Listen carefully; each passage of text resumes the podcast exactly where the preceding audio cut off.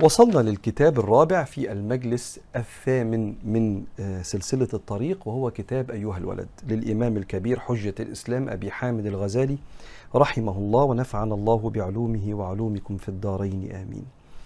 الكتاب بيتكلم عن تزكية النفس وترقية الروح وإصلاح الأخلاق وشفاء أمراض القلوب. تزكية النفس شيء أو العبادة اللي ربنا بعت بها النبي عليه الصلاة والسلام كما أرسلنا فيكم رسولا منكم يتلو عليكم آياتنا يقول لكم القرآن ويزكيكم يصلح أخلاقكم ويرقي روحكم ويعلمكم الكتاب والحكمة يعلمكم آه، أحكام الإسلام. فالتزكية هي الشيء الأصلي اللي المفروض يبان علينا لما نعرف ربنا ونعرف سيدنا محمد عليه الصلاة والسلام. وانت وأنا لما بنتعامل مع حد قريب لربنا وأخلاقه حلوة بنحب ربنا ونحب سكة ربنا. والعكس لما بيبقى في حد أخلاقه وحشة الكل بيتمنى فراقه ايا كان شكل عبادته لربنا سبحانه وتعالى. وبالتالي أنا وأنت وحضرتك محتاجين نركز قوي قوي قوي إن معرفتنا لربنا والعلم اللي بنتعلمه يكون ليه أثر في سلوكياتنا. سلوكياتنا في أدبنا مع الله وأدبنا مع نفسنا وأدبنا مع الخلق وأدبنا مع الكون. في عمارة الأرض. وصلنا مع سيدنا الإمام الكبير الإمام الغزالي وهو بيقول لتلميذه بيقول له أيها الولد وروي أن الحسن البصري رحمه الله تعالى أعطي شربة ماء بارد فلما أخذ القدح غشي عليه وسقط من يده فلما أفاق قيل له ما لك يا أبا سعيد؟ قال ذكرت أمنية أهل النار حين يقولون لأهل الجنة أفيضوا علينا من الماء أو مما رزقكم الله. في آية في سورة الأعراف بتتكلم إن أصحاب النار لما يخشوا النار بعيد عننا كلنا هيندهوا على أصحاب الجنة. ونادى أصحاب النار أصحاب الجنة أن أفيضوا علينا من الماء أو مما رزقكم الله. قالوا إن الله حرمهما على الكافرين. المشهد ده من الآيات الشهيرة جدا جدا في القرآن اللي الناس بتستناها عشان تسمعها في صلاة التراويح ورا الأئمة. مشهد جنة ونار الجزئية بتاعة دخول أهل الجنة في سورة الأعراف ودخول أهل النار برضو. زي كده الآيات بتاعت سورة قاف اللي انت بتستناها بتاعت أهل الجنة وأهل النار. سورة الحاقة آه، خذوه فغلوه والتانية كلوا واشربوا هنيئا بما أسلفتم في الأيام الخالية. مشاهد تحرك القلوب. واللي ليه علاقة بالقرآن بيبقى القرآن بين عينيه كده فبيشوف بيه الدنيا بيشوف الدنيا بالقرآن. فسيدنا الحسن البصري كان يغلب على حاله القبض ودي معلومة مهمة ليك. بعض السلف الصالح يغلب على حاله البسط. يعني إيه؟ كلمة دي مع رحمة ربنا وأي مشهد يشوفه يفسره بالجمال ورحمة ربنا ورضا ربنا وعفو ربنا. بعض الناس يغلب عليهم القبض. كل ما يشوف مشهد يفسره بيا رب نجينا واهدينا و... تاخدش من مننا النعمة اللي في إيدينا و... وخفف علينا حساب يوم القيامة وقبض وربنا موزع ربنا موزع الأحوال على الخلق. وناس تانية كلامها فيه اتزان ما بين القبض والبسط. السلف الصالح بالآلاف وربنا سبحانه وتعالى خلى الأمة تحفظ لنا كلامهم فهتلاقي النوعين آه، عندك. حسن البصري هو متربي في بيت النبي عليه الصلاة والسلام لم يرى النبي لكن سيد ستنا أم سلمة زوجة النبي اللي ربته. فضايق كده إيه من الأحوال النبوية. هو تابعي. شاف الصحابة بس ما شافش النبي عليه الصلاة والسلام. حد اداله كوباية مية ساقعة. كوباية مية يعني ما فيش ثلاجات زمان مية كده باردة شوية. بصها كده أغمى عليه. أو مبص لها كده. ليه؟ حال تذكره لحال أهل النار وحال أهل الجنة وأهل النار بيندهوا على أهل الجنة أفيضوا علينا من الماء مش قادرين يمسكوا كوباية مية في مفيش مية. والمية اللي موجودة آه، في النار كالمهل بتغلي يشوي الوجوه. وإن يستغيثوا يغاثوا بماء كالمهل يشوي الوجوه. بئس الشراب وساءت مرتفقة. الحال ده كان غالب عليه وقتها. فمسك الكوباية كده وقعت منه وأغمى عليه. إيه الاحوال دي؟ احوال. انت ممكن ما تبقاش قادر تدركها قوي.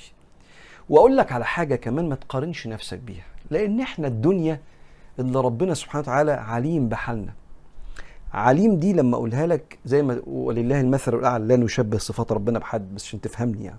تقول حد حد متفاهم وعارف حالك. ربنا عليم بأحوالنا والدنيا اللي واخدانا.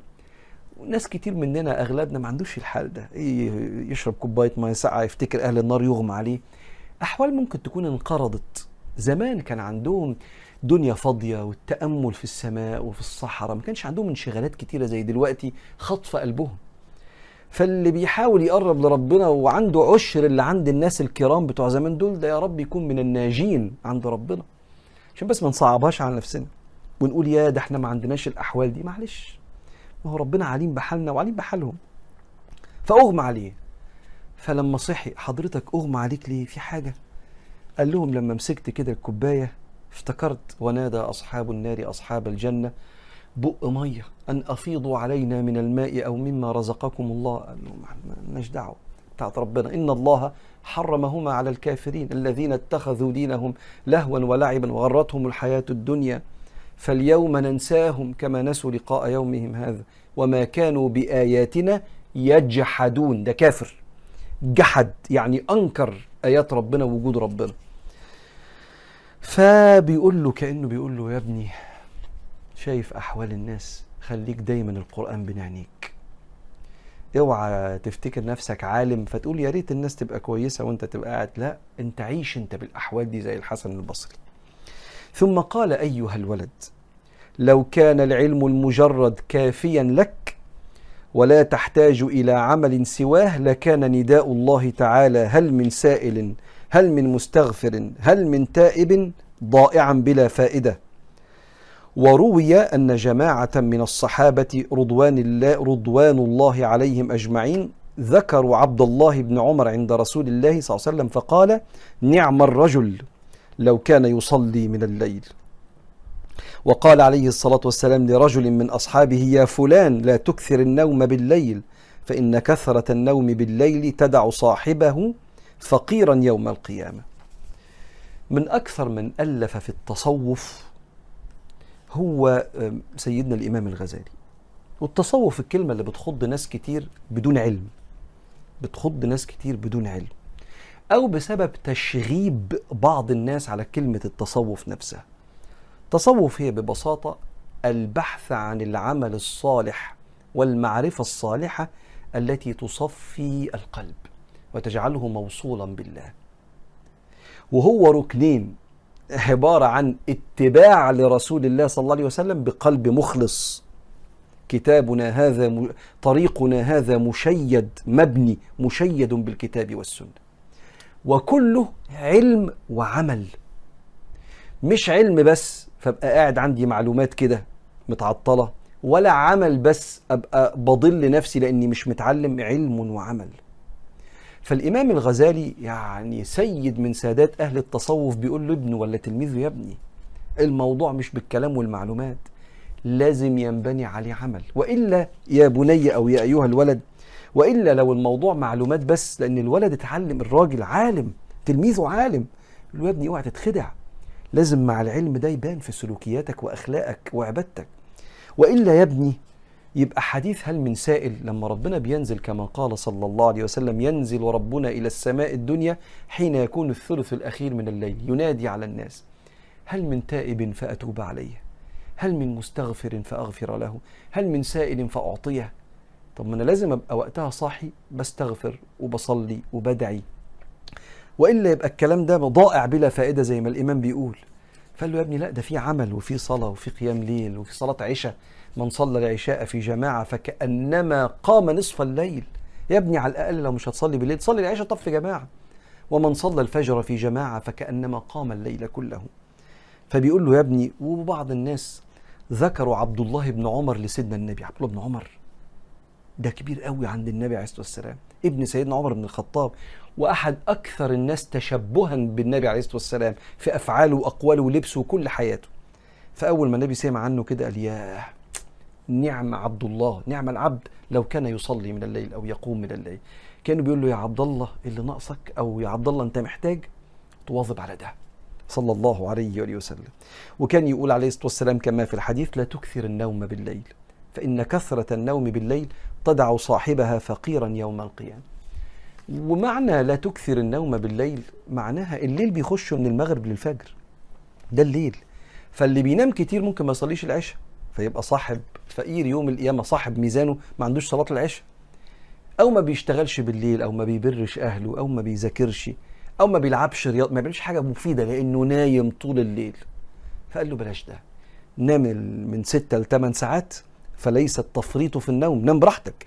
بس في وسط النوم يبقى اصحى صلي الفجر. الفجر ده اللي بيأذن والدنيا مظلمة دي يبقى اصحى صلي الفجر. وما تنساش تصلي العشاء. ولو في جماعة الاثنين يبقى قمت الليل كله. واعمل حاجة مفيدة بالليل من طلب للعلم. زي ما حضراتكم ممكن تكونوا بتسمعوا دلوقتي السلسلة دي. أو بتزور أهلك أو بتذاكر أو بتلعب رياضة. اعمل حاجة مفيدة الليل طويل. حتى لا تأتي فقيرا يوم القيامة. حس كده إيه؟ إن العلماء حريصين جدا على تربية أولادهم وتلامذتهم على العلم وحسن الأخلاق والعمل الصالح. نقف هنا ونكمل المرة الجاية إن شاء الله في المجلس التاسع مع سلسلة الطريق.